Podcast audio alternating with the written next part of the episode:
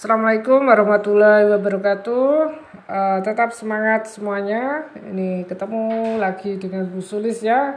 Untuk hari ini kita kuliahnya melalui e-learning, kemudian WhatsApp dan Bu Sulis review melalui podcast.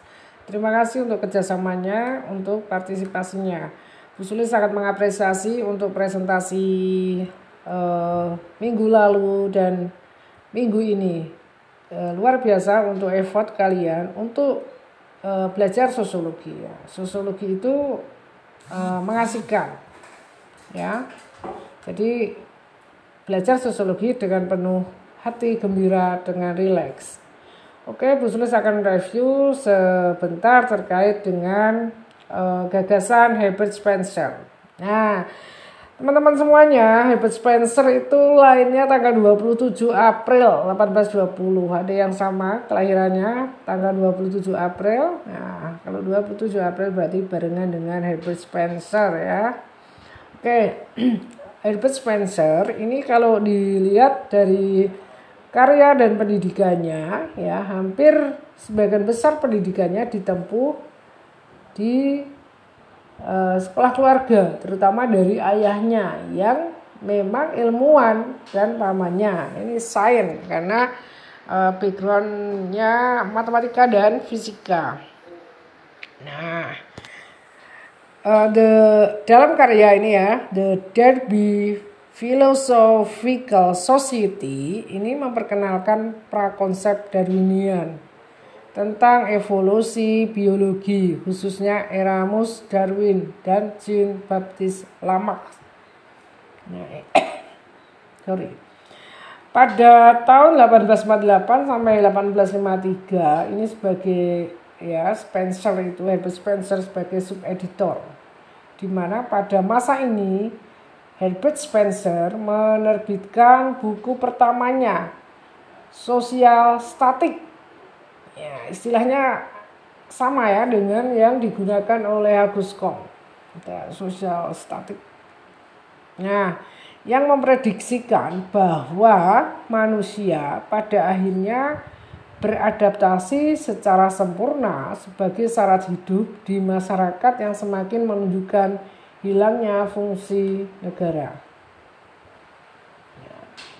Ini kalau kita lihat flashback pendidikan dan karyanya dari Spencer ya The Most Philosopher of the Age pada tahun 1870-an dan ia menjadi satu-satunya filosof pada masanya yang monumental. Oke, ya dari uh, karya-karya dari Herbert Spencer. Kita lihat ada social statics, principle of psychology, and then a science, moral, political, and speculative. Kemudian the study of sociology, the principle of ethics, the man versus the state, and the last the principle of sociology. Ini karya-karya dari Herbert Spencer. Ya. Oke. Herbert Spencer mempunyai gagasan terkait dengan scientific philosophy. Nah, ini Spencer menjelaskan, the first objective of the scientific philosophy was thus to the to demonstrate that there were no exceptions to being able to discover scientific explanation in the form of natural laws of all the phenomena of the universe. And then the second objective of the scientific philosophy was to show that the same laws led inexorable to progress. Ya, ini gagasannya dari uh, apa namanya Spencer. Ide-ide sosiologisnya itu terdapat dalam buku The Principle of Sociology. Bagi Spencer, sosiologi itu adalah studi tentang fenomena superorganik, hubungan antar organisme sosial, sosial ya, atau masyarakat. Dan di sini ya menekankan pada perbandingan antara organik dan superorganik. Proses evolusi so sosial itu selalu dipengaruhi oleh beberapa faktor. Kondisi orang yang terlibat, kondisi alam, dan dari factors yang mencakup ya, kondisi lingkungan baru sebagai hasil dari proses sosial. Oke. Nah, itu gagasannya dari Spencer. Kemudian terkait dengan etik. Hasil akhir evolusi menurut Spencer itu adalah terciptanya the perfect man in the perfect society, di mana manusia itu beradaptasi secara sempurna dengan kehidupan sosialnya. Kemudian Spencer mengadopsi standar nilai kalangan utilitarianisme the greatest happiness of the greatest number. Ya. Yang paling bahagia itu yang punya angka banyak. Nah, ini bahasanya Spencer ya. The greatest happiness, the greatest happiness of the greatest number. Dalam kesempurnaan masyarakat, individu itu tidak hanya mendapatkan kesenangan dari sikap altruisme, positif beneficence, tapi juga menghindarkan diri untuk menyakiti orang lain. Ini negatif beneficence. Ya. Kemudian eh, Spencer juga menjelaskan runtuhnya rasa optimisme itu digantikan dengan rasa pesimisme terhadap masa depan umat manusia. Jadi tahun terakhir Spencer itu ditandai dengan runtuhnya rasa optimisme dan digantikan dengan rasa pesimisme, pesimisme terhadap masa depan umat manusia. Nah, ini Spencer. yeah. Dari sini ya kita lihat eh, bahwasannya gagasan Spencer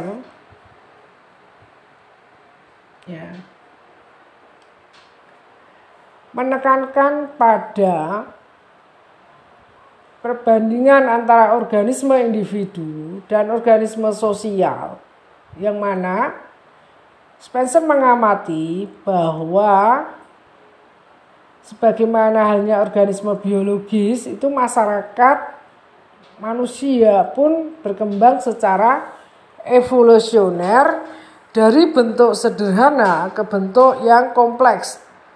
Dalam proses peningkatannya kompleksitas dan diferensiasi ini menurutnya terjadi pula diferensiasi fungsi terjadinya perubahan struktur disertai dengan perubahan pada fungsi.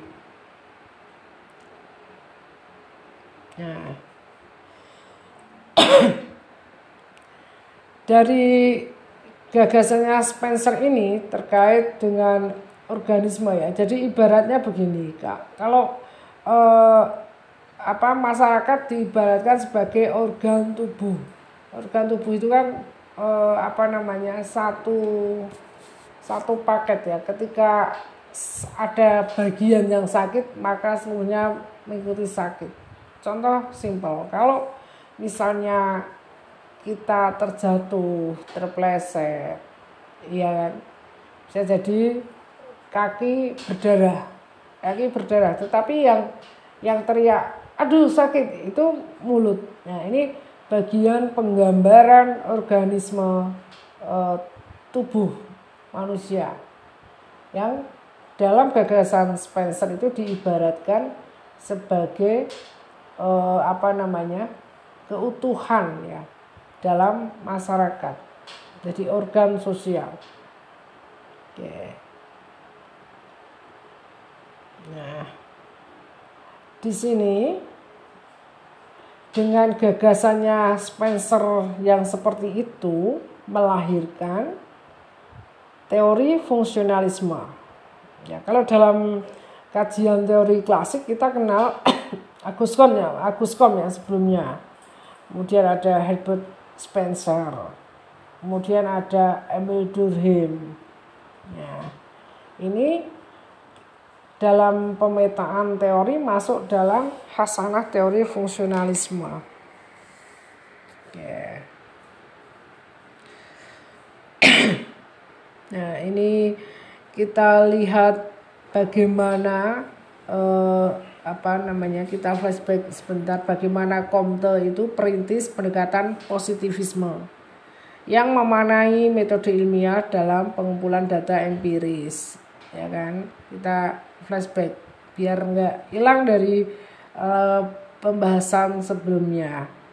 Kemudian uh, apa namanya pendekatan Comte ini disebut organisme atau pendekatan organik menganalogikan organisme individu untuk menjelaskan masyarakat. Struktur keluarga sama dengan struktur unsur atau sel, kelas atau kasta dianalogikan dengan jaringan dan kota atau komun dengan organ. Nah, ini yang bahasanya dalam Aguskom itu organisme sosial, studi terhadap statika sosial. Oke, itu ya kita nyambung dari Aguskom kemudian ke eh, apa namanya Herbert Spencer.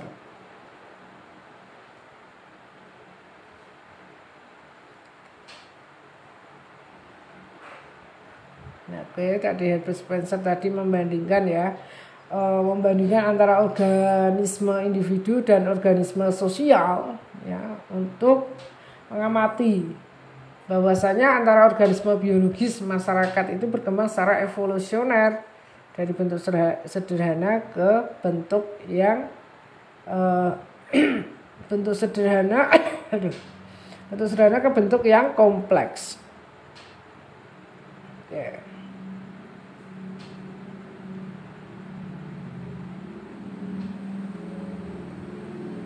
itu eh, gagasan sederhana gagasan yang Bu Sulis ringkas dari eh, apa namanya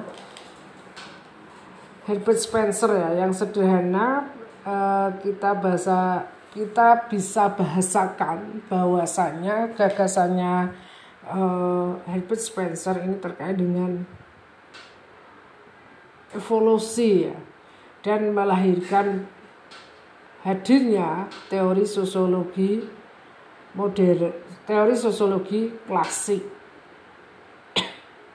Nah, kira-kira itu dari Bu Sulis dan uh, terima kasih ya untuk apa namanya apresiasinya untuk kerja